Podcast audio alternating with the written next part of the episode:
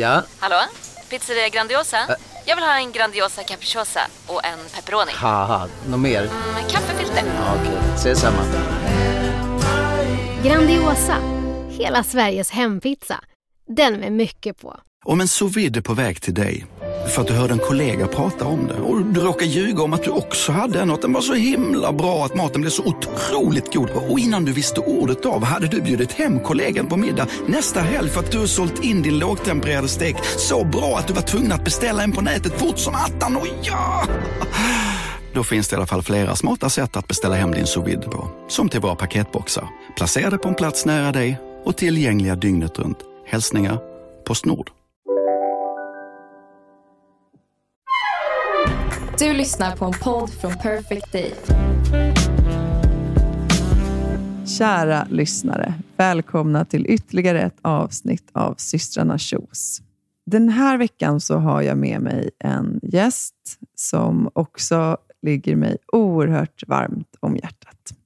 Förra veckan så fick ni lyssna på ett samtal som jag hade tillsammans med min pappa Fredrik och ni har verkligen överöst oss båda med kärlek efter det och det känns oerhört, oerhört fint. Och Den här veckan är det faktiskt också en man som gästar podden och det är min farfar. Min farfar heter Lars Sundström. Och eh, nu ska vi se farfar, du fyller ju 90 snart, eller hur? Ja, det är Ja. inte långt kvar. Nej, det är inte långt kvar. Mhm. Ehm, och farfar är, det är säkert många barnbarn som säger så om sina farföräldrar, eller jag hoppas i vart fall det. Men farfar, du är för mig en, en oerhört viktig och stor person. Och du har alltid varit det. Jag har alltid sett upp väldigt mycket till dig. Och jag har själv reflekterat över att jag tycker att många av mina styrkor har jag fått från dig. Du har alltid varit väldigt duktig på att skriva och tala och det har jag verkligen anammat i mitt liv. Och Du ska alldeles strax få komma till tals, men först ska jag få möjlighet att hylla dig lite till, så du får vänta några sekunder till. Och farfar då har, en, har tre barn. Två är i livet och vi kommer prata lite om det också under det här avsnittet. Ehm, du har en bakgrund som lärare och har egentligen jobbat som lärare hela ditt yrkesverksamma liv. Men började som lärare och däröver, därefter gick du över till att bli biträdande rektor och sen rektor framför allt. Och det var väl det du gjorde i den större delen av, sista delen av din karriär kan man säga. Och jag minns särskilt att du var rektor på Askebyskolan i Rinkeby, för där fick jag också möjlighet att komma och hälsa på dig. Och nu farfar, nu ska jag sluta prata och så ska jag säga varmt välkommen till podden. Tack, det var ju roligt att få vara med i någon sån verksamhet som heter podd och som sådana i min ålder inte alltid har fattat vad det är frågan om och kanske inte alltid lyssnar på. Det här är ju en upplevelse för mig. Ja, Men tack ska du ha. Det var väldigt fina ord och det värmer mig om du tycker att jag har betytt någonting för dig. absolut eh, farfar. i- för din utveckling. Ja. Som naturligtvis vi som då farföräldrar har följt väldigt noga Ja, och gläds åt på många olika sätt. Då. ja. Yrkesmässigt och familjemässigt. Mm. Och naturligtvis att vi fortfarande står varandra så nära ja. när vi träffas. Ja, det är jag så tacksam över. Det är ofta så att det känns som att vi bara slutar, vi börjar där vi slutade. Vi tar vid där vi slutade, Det stämmer ju. tycker jag att det känns som. Ja.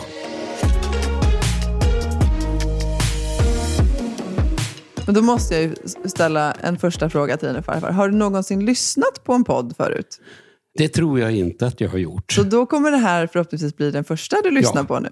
Det är väl som att lyssna på radio har jag nästan förstått Ja, men det är det. Förutom att du eh, får lite mer av en relation till dem du lyssnar på. För att det kommer som om och om igen. Och nu är det måndagar då som du ska lyssna framöver.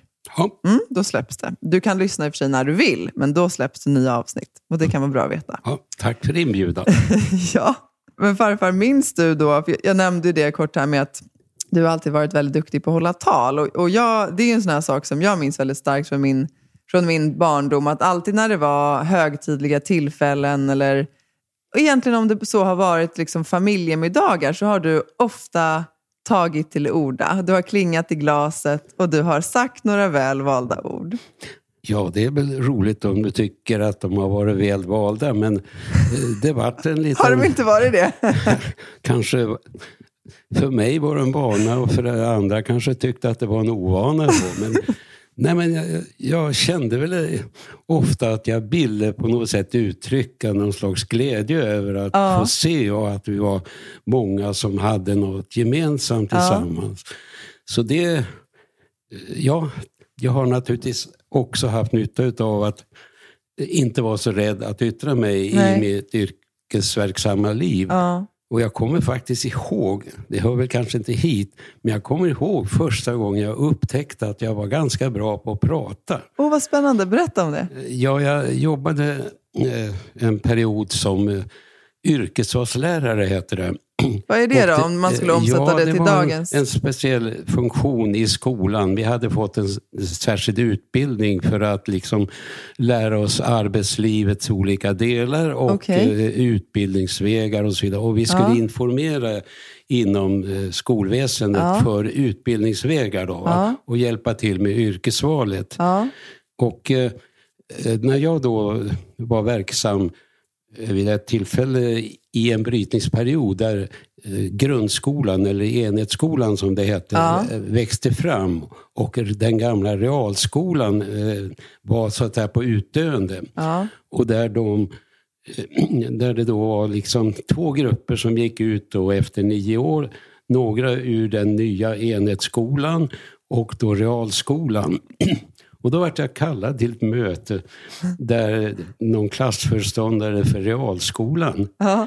bad mig förklara vilken fördel realskoleeleverna hade gentemot enhetsskolan. Aha. Vilket var min uppgift att förklara att det hade de inte, utan det var ju likvärdiga utbildningar. Oh. Men man hade ett speciellt system då för uttagning genom ska vi säga, samma kvoter från de olika linjerna okay. som man tog sig in på olika ja. linjer. Ja. Och där plötsligt, när jag stod där, så märkte jag, nej men jag kan det här och jag är inte ett dugg rädd. Utan nej. plötsligt så var det så självklart att jag vågade öppna mig. Gud vad fint. inför uh, hur många som helst. Ja. Märkte du att folk lyssnade? Ja, ja. Det, har jag, det har jag märkt. Ja. Eller jag har inbillat mig det i alla fall. Jo, men det, och, och jag har alltid lyssnat. Ja, och jag har, alltid, jag har alltid upplevt att det har andra gjort också. Och det är väl det ja. som jag själv tycker ja. är det här med att om man har förmågan att tala på ett sätt som att det också känns. Det är ju att folk ofta då stannar upp och faktiskt mm. lyssnar. Ja. Så det, det vill jag verkligen tacka dig för, farfar, för att du också har gjort alltså i små och stora sammanhang. För det har inspirerat mig till att faktiskt göra detsamma. Och det är mycket möjligt att folk tycker det är en ovana hos mig också, det vet jag inte. Ja. Ja. men jag tänker inte sluta.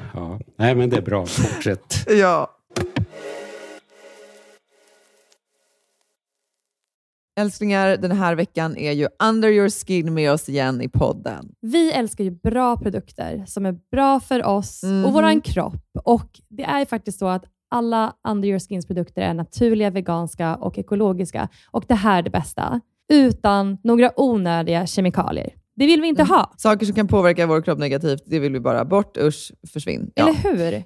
Vi har jobbat med Under Your Skin länge och eh, vi har fått lite frågor eh, kopplat till deras produkter. Så nu tänkte vi bara lite kort idag köra lite lyssnarfrågor. Kul! Eh, en fråga vi har fått är ju hur snabbt minskar håravfallet från och med att man börjar använda eh, hair growth? Ja, just det. Alltså, precis, för de har ju ett eget hair growth kit. Jag använder ju den och har använt den nu eh, ett bra tag. Och Jag var tvungen att faktiskt gå in och kolla på deras hemsida vad de skrev, för min upplevelse var ju att det, det minskade bara redan under första veckan. Det gick jättefort från att jag kunde känna skillnad när jag borstade håret på hur mycket hår som fastnade i borsten. Då har jag ju såklart också kikat och det är ju faktiskt det också som de själva rapporterar, att det ska gå så fort Va? om det inte är så att man har någon särskild diagnos. Ja, såklart. Ja, men gud ja, vad grymt. Och, ja, men, så det är en sån här sak med att Ja, men dels om man borstar då ser man ju hur mycket som kommer på borsten, men också alltså man skulle till och med kunna typ så väga håret bara för att se ja. skillnad. Jag märker jättestor skillnad. Okej, eh, vi, vi har ta... en till lyssnarfråga, ja, men, eller hur? Ja, men exakt. Eh, har du någon? Det här är en fråga som jag tycker är skitbra. Det är så här, kan man kombinera hair growth serum med detox shampoo och balsam?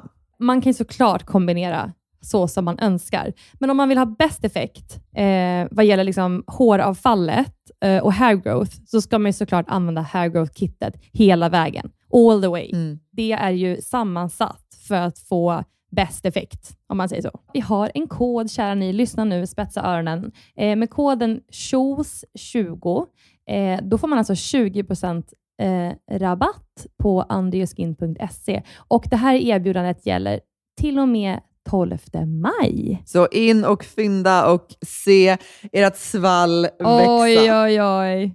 Sommarsvallet. Ja, men det är så underbart. Ja, sommarsvallet. Tusen tack, Under Your Skin. Ja, men farfar, vi är ju faktiskt båda just nu i en liten märklig... Eller jag vet inte ens man kan, hur, hur, hur riktigt man ska beskriva det. Jag har ju inte varit med om sorg tidigare på det här sättet, så allt är nytt för mig och, och varje dag känns olik den andra. Men du har ju, som sagt, vi nämnde det, du är liksom snart 90 år. Du har levt ett långt liv. Och du miste ju en dotter, också ganska lika ålder som Elin var när hon Ja. gick bort. Ja. Kan du inte berätta lite om Anna? Ja, det är naturligtvis eh, som du säger här, just nu så är det ju väldigt mycket som eh, kommer igen från den perioden när Anna var tvungen att sluta sina dagar. Och Elins och eh, Annas liv på något sätt påminner mycket varandra i vissa avseenden. Dels att de då drabbades av eh, ja, sin, ska vi säga då, eh, diagnos som gav dem en väldigt kort tid att leva. Och Anna sa, jag är för ung, ung och dö. Så hon liksom fortsatte att leva eh, i f- fyra år innan hon gick bort. Då. Eh, Varav några år var ganska bra, men det var ju ständigt sämre och sämre. Den här utförsbacken som vi som närstående märker på våra barn, så att säga, hur livet på något sätt ty- tynar bort. Då. Men viljan och själva eh, ja, barnet som vi har, det finns ju kvar hela tiden. Men det är klart att som du säger, det, det är ju en sorg som aldrig lämnar oss. Nej. Och som kommer igen en sån här gång. Mm. Och det kommer ju stötvis eh, väldigt häftigt då, då. Det kan vara episoder, det kan vara något som man plötsligt minns då. Mm. Och det kan vara, ja det kan till och med vara minnen som man på något sätt har tycker att man har betett sig fel mot barnet. Inte i sjukdomstiden utan tidigare. Tidigare, ja. Det uppstår sådana där eh, tankar också på Mm. något sätt. Och man har någon slags delaktighet i det som hände. Mm. Det, det kommer ju också lite. Va? Alltså en form Men- av skuldkänslor menar du? Ja, det, Ja. och det brottas man ju som förälder på. Har vi gjort fel på något Ja, sätt att det blev så här? Och det, Men tänker du det, att det ni... försvinner med tiden, det kan ja. väl säga. Då. Men eh, samtidigt då, för Anna-Stina då och mig, eh, så betydde ju då Annas bortgång att vi fick en annan syn på livet. Mm. Och precis kanske då började upptäcka det Elin predikade. Vi Mm. lever just nu. Vi slutade ta de här kortsiktiga eller långsiktiga planerna och, om vad vi ska göra. Om fem år ska vi göra det och det och när vi är pensionärer. Utan nej, det, vi tog dagen som den kom på ett helt annat sätt. Va? Och, och lät stunden styra m- mer. Va? Och kanske blev mera tacksamma över stunden och kanske till och med över varann. Att vi fanns tillsammans. Va? Eh, Sen har, eh, Hur länge har ni varit gifta nu farfar? Ja, hörru du, det är många år, då måste jag räkna. Vi, vi gifte oss alltså, nu får du hjälpa till att räkna här, 1957. Nu måste jag blotta min dåliga matematikkunskap. Och det var för att vi blev med lägenhet. Ah. Eh, Man fick inte sambo på den tiden, för Just det. lärarna skulle ha någon slags eh, ett, ett uttryck som eh, har kommit tillbaks nu, va? hedlig vandel. Och, och det innebär ett samboende utan att vara gift. Va? Det, det, det fick inte förekomma, för lärare var ju någon slags för, exempel då. då Så för ni barnen, fick inte va? ha sex innan ni hade gift er? Så? Nej, och det, nej, nej, nej. Och, eh, det är ju ingen lärare som har levt i synd nej, nej. det sättet. Självklart va? inte. Nej. Nej.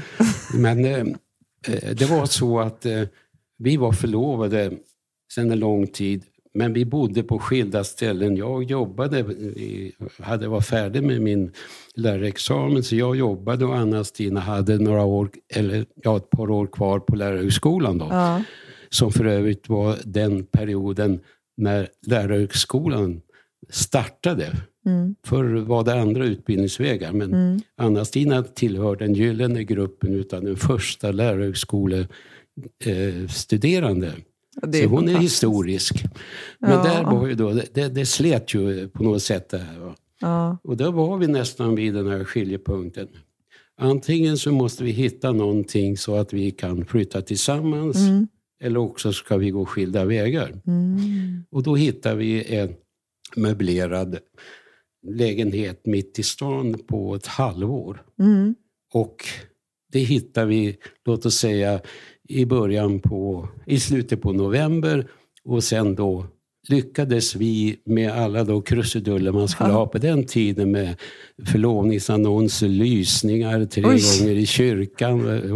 Det var ju så att man skulle undersöka, församlingen skulle undersöka om man var gift Ah. tidigare. Va?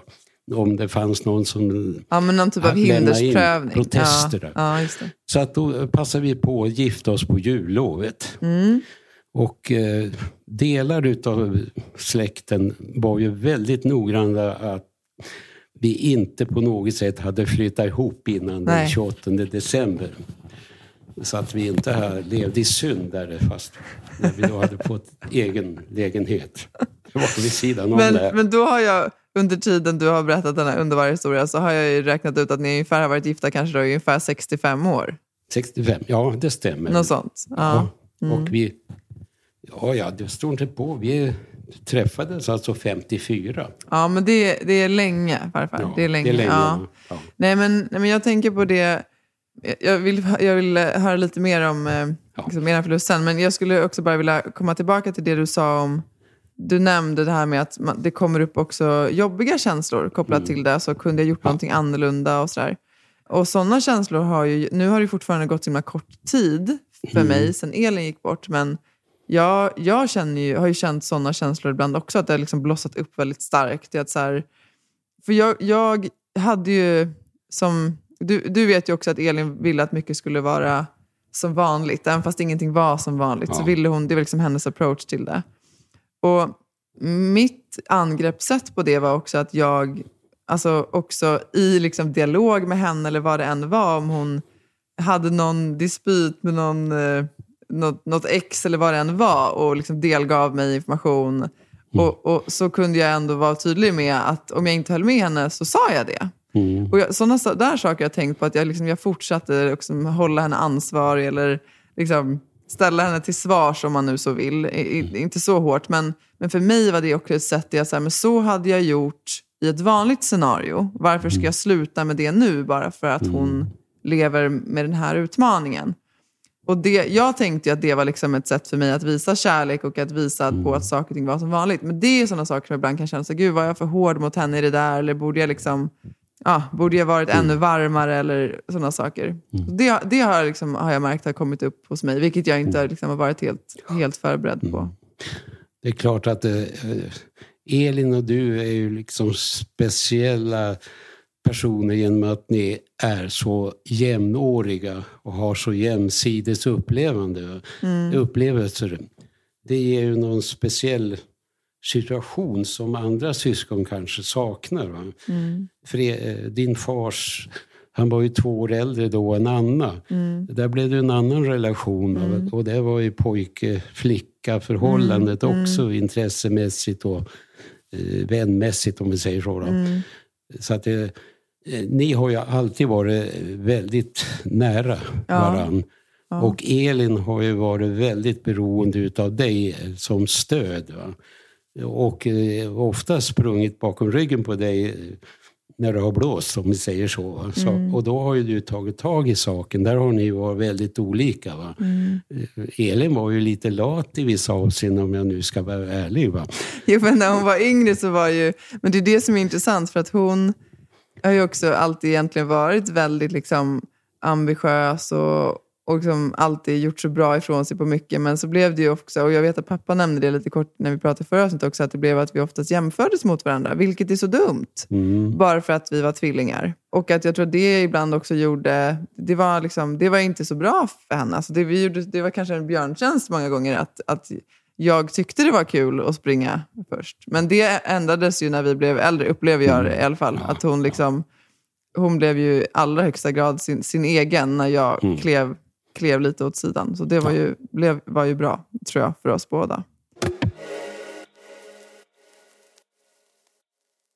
Jag tänkte på det också nu, du sa, för jag, jag såg ju det också nu att du blev eh, rörd och du fick tårar i ögonen nu när vi pratade om Anna också. Och det är så många år sedan nu som hon gick bort. Mm. Det är väl åt, Ja, det var Nej, 90. 90, eh, eller hur? 90? eh, strax före 90 då. Ja.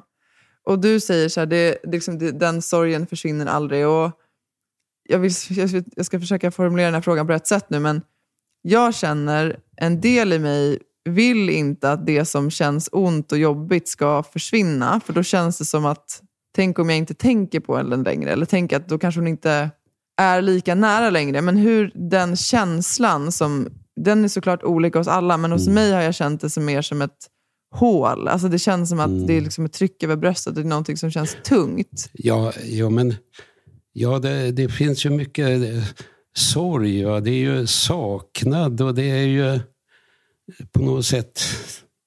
Det, det ställer ju hela livet i, i någon slags eh, knepig eh, frågesituation. Va? Eh, Vad är livet och meningen med livet när det blir så här att ens barn springer eh, före på något sätt i, i livsrytmen. Då. Och jag här sitter som en gammal 90-årig gubbe då, till ingen nytta höll jag på att säga. Till stor nytta farfar. Ja, nej, men det var... Men det, det är ju en blandad känsla också. Ibland kan jag ju minnas Anna utan att jag så att säga känner det tungt. Va? För det är någon slags eh, glädjeminnen man har också utav det. Va? Eh, Anna var ju då oerhört glad och, och företagsam. Och hon var ju, liksom Elin, var hon så här präktig om man säger så. Vad menar du med det? vin eller liksom höll Ja, på du med sånt så, där. Ja. Och åt eh, vad som Hälsosam. helst. Och, Ja. och var framåt. Och, Ja. eh, Anna, eh, ja, när hon gick ut gymnasiet, då, det säger ju lite om henne som person. Då, då sa hon att nej, nu är jag färdig med gymnasiet, nu ska jag leka i två år. Och då så jobbade hon på sommaren så hon fick ihop pengar och sen så åkte hon till eh, Alperna och eh, ja, skaffade sig ett jobb där på ett hotell. Eh, Städade i början men på slutet av säsongen hade hon avancerat till andra kock. Så Ah. hon, hon gjorde succé där på hotellet. Och så på eftermiddagarna då, då var de ute och åkte skidor då, lössnö och allt. Och efter några år så berättade hon lite mer om allt som de hade utsatt sig för där. Då. Ja. Så först var hon i, ja, i Tyrolens trakter då. Och sen var hon över i franska alperna på samma sätt. Då. Och sen så åkte hon hem för att utbilda sig. Och eh, under den perioden så var då hon blev sjuk sen. Ja. Då, då. Ja. Men hon tog sin lärarexamen. Då var hon sjuk ett par år kanske. Men eh, hon, hade, hon fullföljde sina studier. Då. Mm. Men eh, låt oss säga, det var ju den envisheten, men eh, livsglädjen och viljan att ta för sig. Då. Och det påminner ju lite om Elin. Hon, Mm. ja, absolut. hon lät ju inte stoppas på det sättet. Gud, nej. nej. Och Jag tänker på det som du sa också, det här med att mycket ställs på sin spets och att ni också omvärderade mycket Mm. om vad som var viktigt i livet och, och vad livet innebär. Mm. För som mig som har liksom vuxit upp mer, vi har ju alltid varit, jag, inte, jag tror att Elin och jag har pratat om det ibland i podden, men vi ju, har ju egentligen varenda sommar sedan vi var små varit ute hos er i Grisslehamn. Mm. Och det är ju liksom en, en väldigt, väldigt stark och stor del av, av liksom mina barndomsminnen och av Ja. våra barndomsminnen. Och min bild, vi har ju umgåtts utöver det, men det är framför allt på somrarna som vi har umgåtts när vi var barn. Min bild är ju att ni, både du och farmor, har haft en sån väldigt tydlig förmåga i att glädjas åt de små sakerna.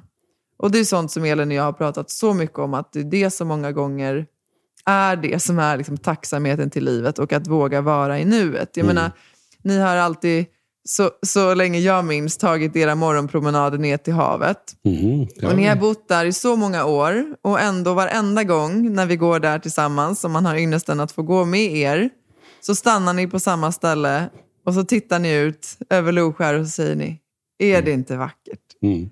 Och då har ni gått där liksom otaliga gånger, men ni tycker fortfarande att det är lik förbannat lika vackert varje gång. Men det, havet är ju aldrig så likt, utan det är alltid olika vackert och fantastisk upplevelse. Att, eh, Ja, men jag tycker Ja, men- det är fint att ni har förmågan Ja. att se det, för jag tror Ja, att det ja. också är en sån Ja. sak att se, för det finns ju Ja. så mycket vackert överallt. ja. Jo, det, man blir ju hemmablind ibland. Det vet vi ju. Många Grisslehamnare, om vi säger ni går väl ut till ateljén och, och eh, gleds åt havet, Ja. då kommer de skaka på huvudet och säga nej, men varför skulle jag göra det och Ja. gå dit? Ja. Man kanske inte då... Det är kanske lite miss, va? men då Ja. har man väl andra värden i livet som man då kanske uppskattar bättre. Ja. Så att eh, vi, det är ju inte bättre, vi är inte bättre bara för att vi tycker om den utblicken. Nej, Men nej. Men jag tror att ni, det, Ja. den, den förmågan, som, och jag, tror, jag tror egentligen att många människor skulle önska att man hade förmågan att se de små sakerna, de enkla Det- sakerna som ja. det som skänker en glädje. Ja. Jo, det, det är väl de små sakerna som man kanske ska se, men man låter fel saker bli stora och se. Precis, ja verkligen. Och- Ja, mycket vackert formulerat. Du har ju varit inne lite på det nu farfar, men nu tänker jag, jag, jag skulle så gärna vilja fråga dig om såna här frågor som jag själv har tänkt mycket på, men, men som det är sällan som Dels tycker jag inte att man har något bra utrymme för att ställa den typen av frågor, men också de samtalen är ju ganska svåra. Men, men jag undrar så här. Du är nu 90 år, du har levt länge, du, du har liksom begravt din dotter, du har begravt din mor. Det är många av er i ert umgänge också som har gått bort av liksom naturliga Mm. skäl. Ni är äldre. Hur, vad är ditt förhållningssätt till döden? Ja, ja men döden... Jag, egentligen, jag kan nog påstå att döden har aldrig varit något som jag har haft som något problem eller varit rädd för. Det, det är inget som jag så att jag har funderat på utan livet har varit så självklart på något sätt. Man lever liv och sen det tar det slut. Men hur tänker du att du inte... För det är, ju, det är väl ändå ganska ovanligt, tror du inte det? Att man inte har känt någon rädsla för döden? Jag, jag upplever inte att jag har haft någon dödsskräck om man säger så. En del vet jag eh, är ju rädda för att dö. Va? Men jag vet, fråga mig inte då. Men, Men jag har ju hur- upplevt min mormor eh, Ja. gå bort och eh, ja, min far, min mor, eh, eh, en moster som eh, stod mig nära då. då. Mm. Så att vi har ju på det sättet eh, upplevt livets slut. Då. Mm. Men det är ju något helt annat när de äldre går bort än Ja. när ens egna Ja. barn går bort. Men upplever du att du, Men- det har avdramatiserat känslan av döden? Att du har upplevt död liksom, på många sätt? Nej, men på något sätt har väl det kanske varit eh, rätt så naturligt på något sätt. Då, ja. Det, nej, men om säger här, döden har, har inte varit ett problem för mig på det sättet. Va? Nej. Det jag kan kanske tycka ibland och som jag funderar på nu när jag är gammal. Va? Det är väl då vad händer med de som är, lever efter mig. Va? Framförallt då min, min hustru. Ja. Vi har en gemensam ekonomi som vi då klarar oss på. Mm. Men som ensamma med pension, eh, då får vi på något sätt antagligen ändra vårt liv. Mm. Och det där är väl då liksom ett praktiskt bekymmer. Mm. Och det är ett bekymmer som inte jag kan på något sätt vara med och lösa. För Nej. när jag är borta så är jag borta. Ja. Och då har jag inget med resten att göra. Utan Nej. det får ju ni ta tag i som kommer Det kommer efter. vi lösa farfar. Ja, jag Ja. vet inte. Det är ju så svår fråga. Men Men vad tror du händer när man dör då? jag tror att alla vi når det där svarta hålet på något sätt. Va? Tjoff, Och vad är- tjoff, och vad är man borta. Och, och det, sen, vad som händer där bakom, det, det behöver vi inte bekymra oss för. Det, ja, det kanske kommer en ny värld. Ja. Men jag, det, det intresserar mig inte så att det här paradistänkandet eller helvetestänkandet, vilket man nu... Jag är ju uppfostrad att tro att det fi- finns de två vägarna. Ja. Men jag vill ju inte gärna... Jag kanske inte alla vill, vill se alla igen, höll jag på att säga. Framförallt inte om jag kommer till det ena stället. Vilket man ju inte heller vet. Nej. Eh, Nej, men du, tror, du, du var inne och nosade lite på det där, så här, det kanske är en annan värld. Jag, jag, tycker ju, jag tycker det är så svårt. Alltså, jag har ju såklart tänkt massa på det här långt innan Elin blev sjuk. Och innan, men jag tycker att mycket av det ställs ju på sin spets nu såklart. Jag har ju liksom funnit mig själv i att många gånger, jag pratar ju med Elin mycket. Alltså jag kommer på mig själv att prata med henne om jag gör någonting har hänt. Och så, alltså jag pratar tyst för mig själv och ibland högt för mig själv om jag är ensam. Att jag säger någonting till henne och sen så svarar hon mig på sitt sätt. och sådär. Men då har jag också kommit på mig själv, alltså det som jag tycker är svårast att greppa, det är ju var är hon? Alltså jag känner ju inte att hon är borta. Men var är hon? Ja, ja, men det kan jag väl också... På något sätt så tycker vi också att eh, det finns någon slags närvaro. Men det, det är ju i min sinnevärld då. då. Men är Jag- inte det väldigt närvaro då? då? Det är det, Ja, och det är det jag blir så... Om jag säger så här då. Eh, när jag växte upp då, då var det ju liksom eh, obligatoriskt att man tillhörde statskyrkan. Va? Och hela vårt skolväsende var ju uppbyggt på att få in ja, lydnaden till i princip eh, kyrkan och kungamakten. Va? Så gammal är jag. Det- jag, ju faktiskt, jag började skolan det år när då kyrkan inte längre hade ansvar för folkskolan. va. Dess, och det är ju där så, den, det greppet har de ju aldrig släppt från skolan utan eh, fortfarande så ska ju folk på avslutning och så vidare gå dit och prästen hålla predikan. Det har jag nog inte haft mina avslutningar. Nej, men ja, men, det finns eh, nog skolor som har så. Nej, ja. men det, har ju, det är ju strider om det där. Ja. att Ja, man det inte ska jag. få gå i kyrkan och så vidare. ja. Samtidigt som vi då ska vara toleranta mot andra religioner. Men Mm. eh, skolavslutningar, då ska de nog banne mig gå till kyrkan. ja. Om vi återvänder till frågan då. då. Jo, men det här med himmelriket. Och då är det ju så, det predikas om himmelriket och eh, min mormor då som eh, på somrarna bodde vi tillsammans med vår mormor då i, i ja, verkstadslokalen Ja. som du har sommarvistat i. Och hon hade sina böner där. Och, och hon trodde ju på himmelriket Ja. och var ju trygg i det då. Mm. Lite fascinerande när man hörde henne hur hon mumlade sina löner där. Och eh, ja, jag kan erkänna, eh, jag eh, hade aftonbön rätt länge men det var för mig på något sätt en sån här ritual att somna, va? koppla bort. Och så somnade jag efter det. va. Och det var ju de vanliga barnbönerna. Och det var någon slags trygghet i det också. Ja. Även om jag inte trodde på det så var det ju någon slags ritual i det. Ja. Men sen eh, har jag haft väldigt svårt att tro på det där med himlen och Sankte Per med nyckeln och Var, allt det- det har här. det varit svårare alltså, före eller efter Annas död? Eller Nej, är det med att det alltid nej. varit så? Det har alltid varit så. Ja. Jag Nej, tror det- ju inte heller nej, på men- liksom kristendomen så, men, men jag tycker att, jag tror att när jag, när jag själv var yngre så var jag väldigt så här, kategorisk mot så här, det där är fel, och det där stämmer inte och det där har Mm. ni ingen tes eller bevis för. Men jag kan ju känna att, jag tänker ibland att det här, men om vi talar om himmelriket, och nu försöker jag absolut inte raljera mot liksom, er som är kristna och lyssnar, för jag kan inte alls lika mycket om det här som er. Men vad jag försöker, när jag själv har tänkt på det, så ibland så känner jag att så här, det kanske, att vi alla har, liksom ett, vi har liksom olika namn eller begrepp på det här som är det oförklarliga. Och är man kristen så kanske det är Gud eller Jesus.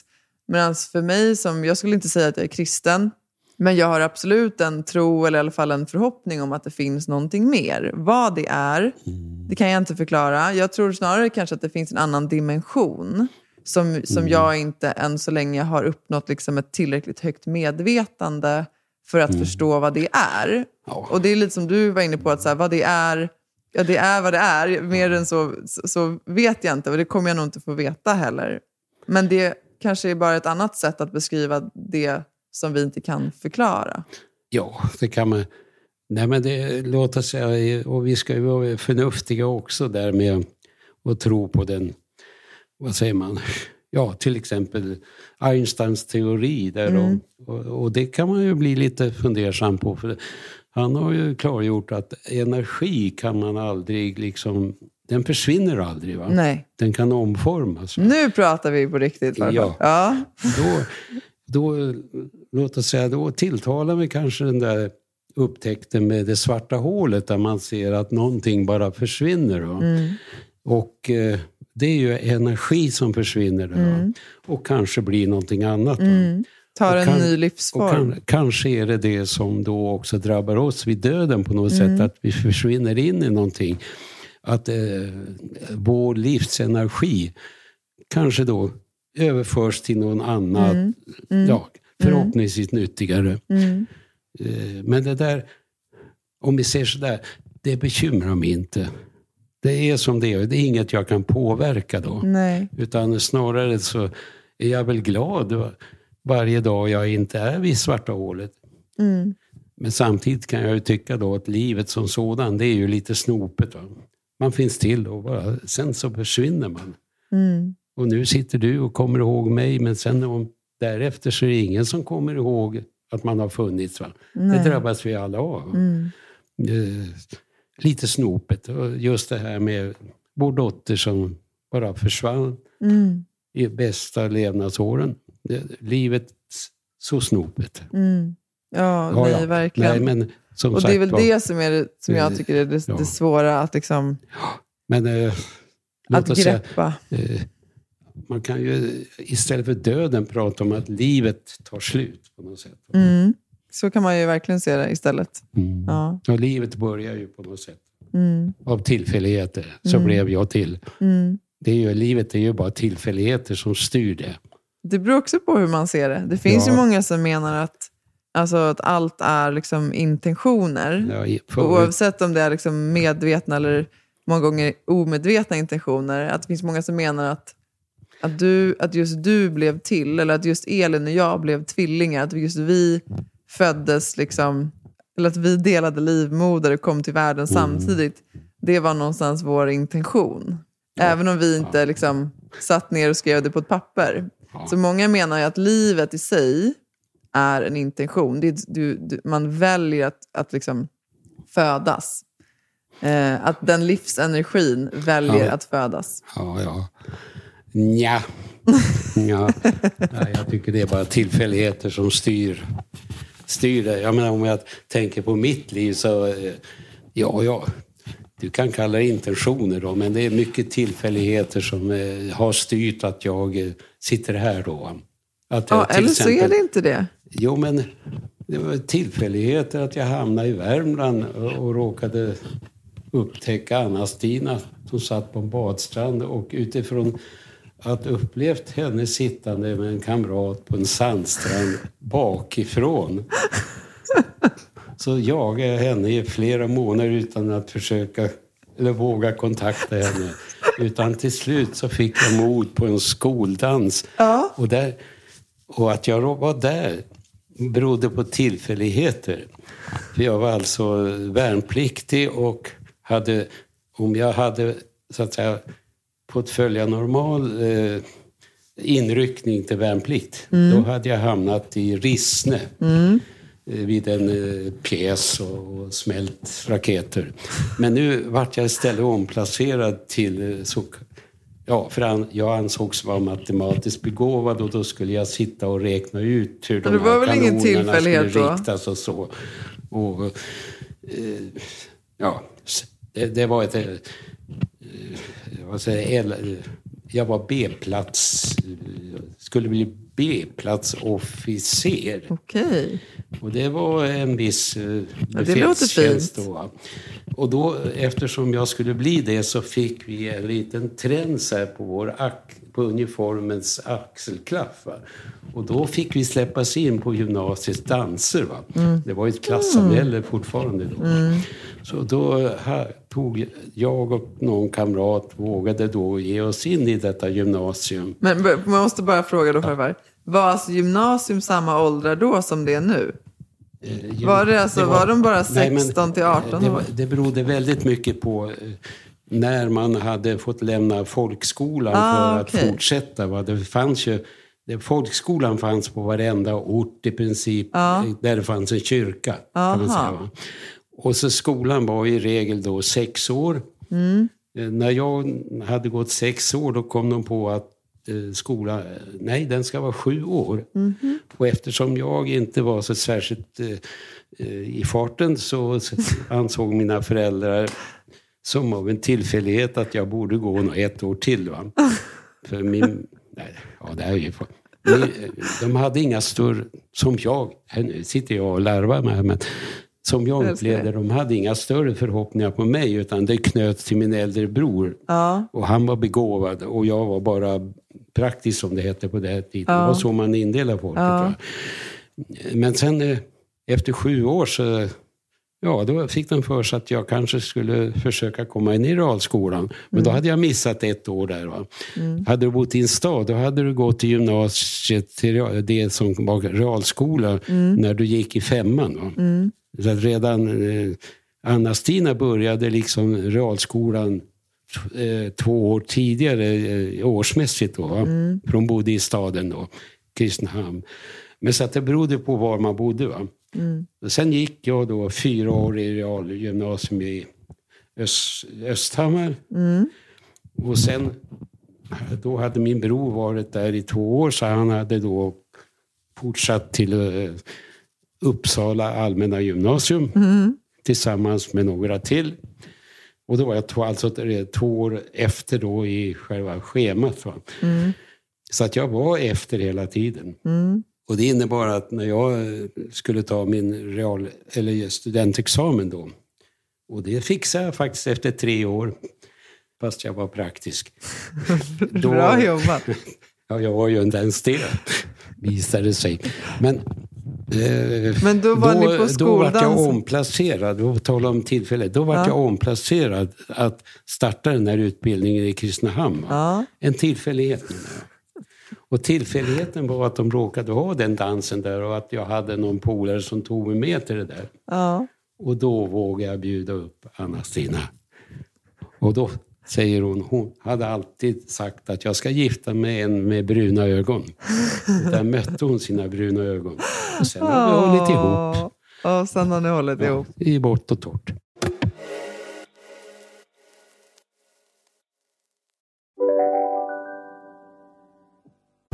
Hej, Synoptik här. Visste du att solens UV-strålar kan vara skadliga och åldra dina ögon i förtid? Kom in till oss så hjälper vi dig att hitta rätt solglasögon som skyddar dina ögon. Välkommen till Synoptik. Dåliga vibrationer är att skära av sig tummen i köket. Ja! Bra vibrationer är att du har en tumme till och kan scrolla vidare. Få bra vibrationer med Vimla. Mobiloperatören med Sveriges nöjdaste kunder enligt SKI. Känner du igen en riktigt smart deal när du hör den? Träolja från 90 kronor burken. Byggmax. Var smart. Handla billigt.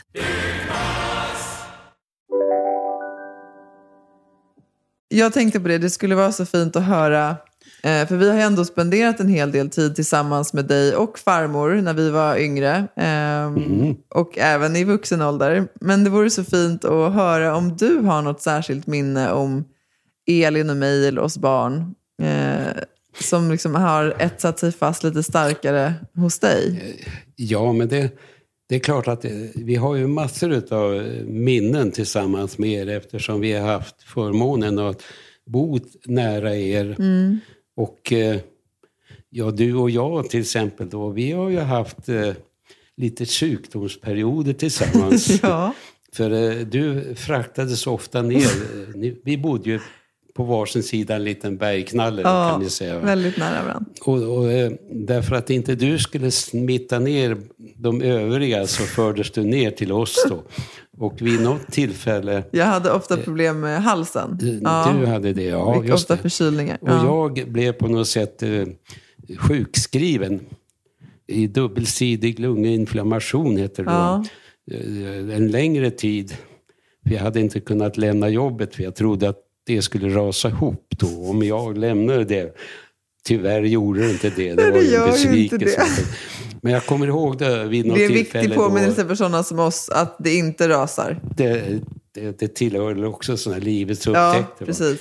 Men då, vid något tillfälle då, då hade farmor då som eh, hade liksom förberett det mesta i hemmet som vi skulle göra då. Ja. Så skulle vi baka tillsammans.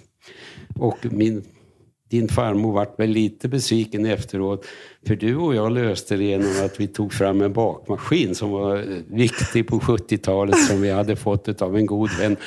Och så fixade vi det, lät maskinen baka. Men det var ju tänkt att vi skulle stå där och Ja, kladda vi skulle med knåda fingrar. själva, ja. ja. Och det, det var inte min upp, största eh, upplevelse att bli kladdig om fingrarna. Eh, Vid något annat tillfälle så gjorde vi faktiskt eh, fiskbullar tillsammans. Kommer du ihåg det? Då? Det kommer jag ihåg. Det kommer jag verkligen ihåg. För då lät du mig leka med karamellfärg så vi färgade dem gröna. Ja. Och det var så ditt veganska liv började har jag förstått. Ja, ja nej, men det är ju lite roligt då. Men då gjorde vi ju på riktigt och malde gäddfärs och Ja. torsk och vad det nu var. Ja, det var riktiga fiskbullar ändå. Ja. Nej, men och sen, i- det jag, jag kommer ihåg så lite var att vi gjorde resor med dig. Ja. Var och en ja, liksom. Jo, men det var ju så här att på något sätt så fick jag ju förmånen att göra resor med ensam tillsammans med ett barnbarn i taget. Ja. Och eh, naturligtvis så var du den första.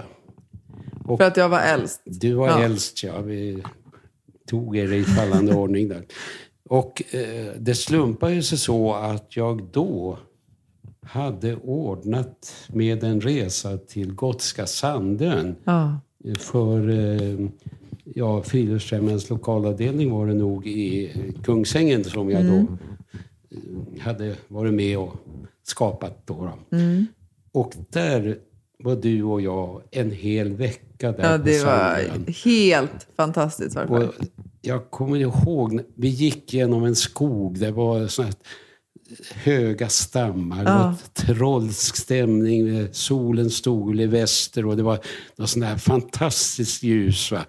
Och du greps av någon ställ, stämning där va. Och du slet av dig dina kläder och sprang och dansade som du var skapad. Och det var någon slags du upplevde på något slags den här trollska stämningen Ja. och skenet.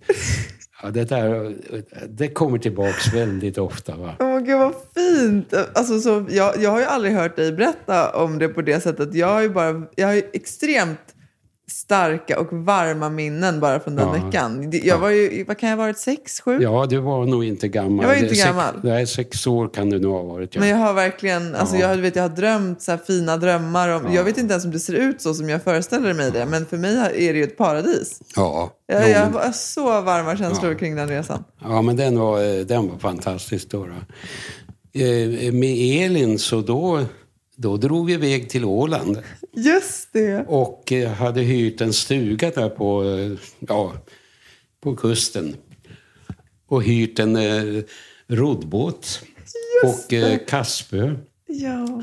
Och det berodde väl på att Elin på något sätt hade eh, varit road att åka ut Ja, men på hon tyckte ju alltid som- om så mycket när vi metade i Grisslehamn. I Grisslehamn Ja. och vår lilla sjö där va.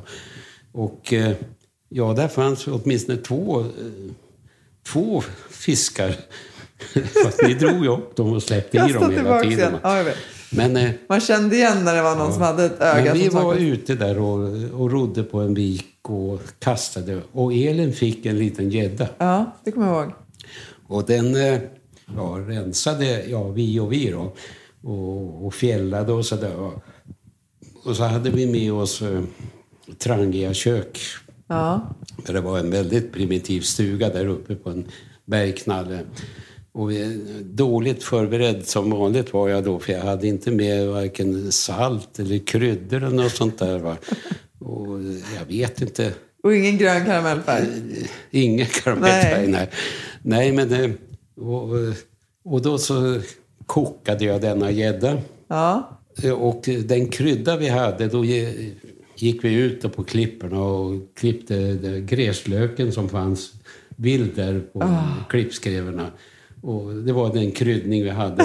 Ja, vi hade nog säkert kanske salt också.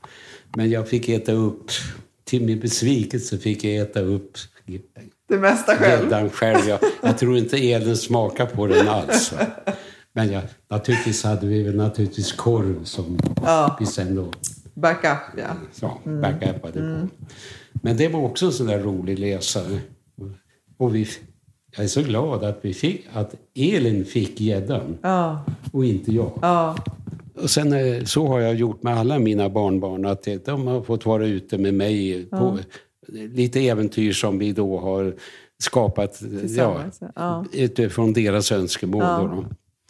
Ja. Och det har ju varit en fantastisk upplevelse för mig och jag tror att mina barnbarn kommer ihåg det. Ja, jag absolut. frågar ibland, eh, kommer ni ihåg? Och det, Ja, men det har vi Det ju alla pratat om att det, verk, det gör vi ju. ja. Men det är också det här med att, att, att få den där tiden ostörd. Mm. Att bara få vara med varandra. För det är ju också så, det händer ju inte riktigt. Nej. Nej. Och på samma sätt som bara att, här, att få det här samtalet med dig nu farfar. För det är också en sån sak.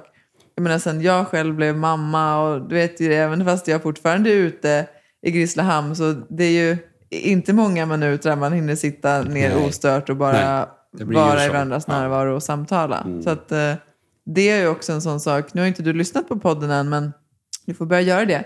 Men, men det är också en sån sak som Elin och jag har pratat mycket om det här året, att vi har varit så tacksamma för. För att vi har fått de här stunderna i total närvaro med varandra. Mm. För att även om vi har varit så nära så har ju inte ens vi haft det Mm.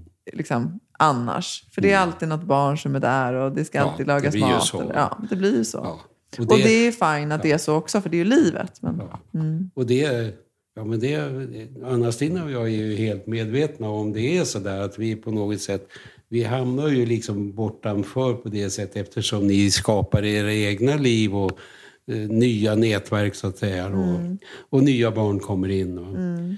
och eh, det kändes lite snopet va, när eh, vi var ju farmor och farfar, det var den självklara titeln. Va? Ja. Sen plötsligt så blir ens egen son morfar.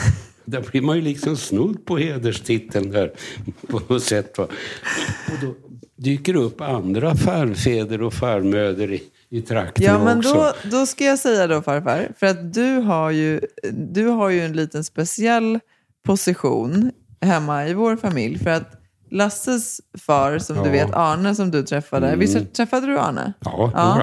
Han gick ju bort Ja. när han var 67, ehm, eller var han till och med 66? Ja, han var- ja. Han gick bort i cancer. Och Lycke hann ju aldrig träffa honom och är såklart inte Mm. Jackade då. Så de, för, de, för dem är ju du farfar. Ja. Och, Och jag- det märker du väl att de Ja. kallar dig för farfar? Ja, jag var så glad när Jack kom och ropade farfar här. Och det, eh, att han liksom har också upptäckt mig. Ja. Lycke har ju varit med så mycket längre. Då. Ja. Så att, eh, Jo, men ja, Lycke ja, pratar men ju så mycket inte- om det. För vi Ja. har ju, Lasse har gjort så fina album hemma, min Ja. Lasse då, på, på Ja. Arne och liksom, ja. ja. från hans liv och hur vi, när vi Ja. var tillsammans och sådär. Och då, eh, så Lycke pratar ju ofta om det att hon har en farfar som är död och hon har en farfar som lever. Och hon Mm. Ja. har då farfar som hon kan titta på i Ja. Mm. boken och så farfar som bor i Grisslehamn. Ja, men det är ju jätteroligt Ja. att höra. Att, ja, ja, det är ju... Nej, men vi känner ju att vi är med som... Och det är ju för dina... Ja, Emmas barn också. Vi är ju farmor och farfar där Ja. också. Fast de vet att... Ja, ibland säger de gammelfarfar då. Men vi kommer ju att vara farmor och farfar i alla deras tid då, eftersom de växt upp så nära. Ja. Så blir det ju. Ja. Och det är ju trösterikt då. Ja, och det har vi ju inte benämnt så mycket nu, men jag tror att jag har sagt det någon gång i podden tidigare och det är ju att min lilla syster Emma då med sin familj flyttade ju ut till Grisslehamn Ja. i höstas egentligen. Ja, så Ja, sensommar. Ja, i augusti. augusti, Ja, att det ju- precis. Och det har ju, för ni har ju fått en sån himla fin relation med deras barn nu. Ja, jo men det har vi ju då. Och det är ju eh, bonus att en barn, barns familj plötsligt kommer in och bor hundra meter ifrån. Ja. Alltså, daglig kontakt kan man Ja. ju säga. Och, och dessa små barn då som eh, på något sätt då har så nära till oss. Ja. Så Att det, det, det, det var ju en oväntad gåva som vi då har fått här nu Ja. på ålderns höst.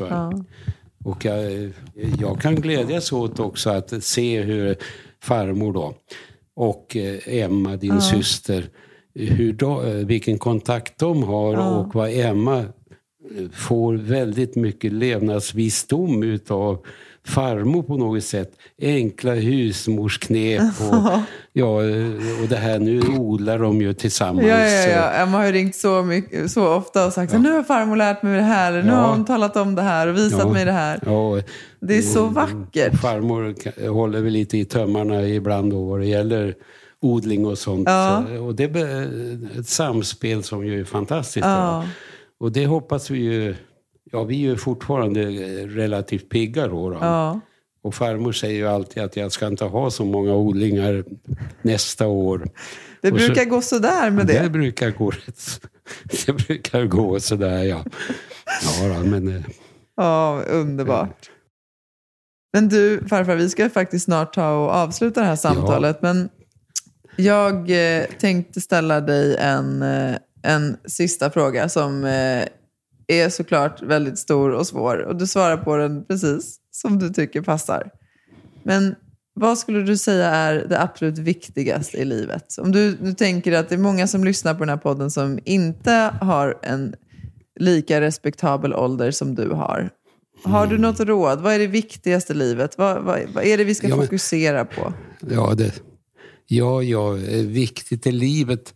Det är väl, ja det här, vi kommer tillbaks till det här igen då. Att vårda nuet och leva i nuet. Va? Att inte, ja, oroa sig Mm. för framtiden för mycket. För den, Mm. man kan inte påverka så mycket utan den kommer. Mm. Och då gör man det bästa utav det då. Mm. Eh, Sen är det ju då, eh, det viktigaste det är ju, låt oss säga, det är ju de nära Mm. som man har. Mm. Och att man har vänner i olika lager på något sätt. Det här med ett socialt nätverk, det Mm. låter så märkvärdigt men det är ju liksom väldigt viktigt för ens välberoende. Mm. Vi är ju trots allt flockmänniskor. Mm. Men eh, frågan är ju så stor på något sätt. Va? Eh, viktigt är naturligtvis att vårda ja, till och med sig själv, men framför allt sina Mm. nära och kära. Mm. De ska man vara rädd om. Mm. Och då kommer vi kanske tillbaks till det här, det är ett kärleksbudskap Mm. i det mesta Mm. egentligen som ska styra i livet. Mm. Gud vad fint sagt. Farfar, tusen, tusen tack för att du ville vara med och samtala med mig. Jag är verkligen tacksam för att eh, du ville vara med och samtala med mig. Det Tack var snälla. roligt att få sitta som du sa här. För det kanske inte så ofta det kommer att hända igen att vi sitter och pratar. Det här brukar vara väldigt på språng. långt och mycket. Ja, precis. Nu blir det väldigt mycket längre än vad vi brukar hinna med och det är jag ju väldigt, väldigt glad för. Jag älskar dig. Mm. Detsamma. Tack. Tack så mycket.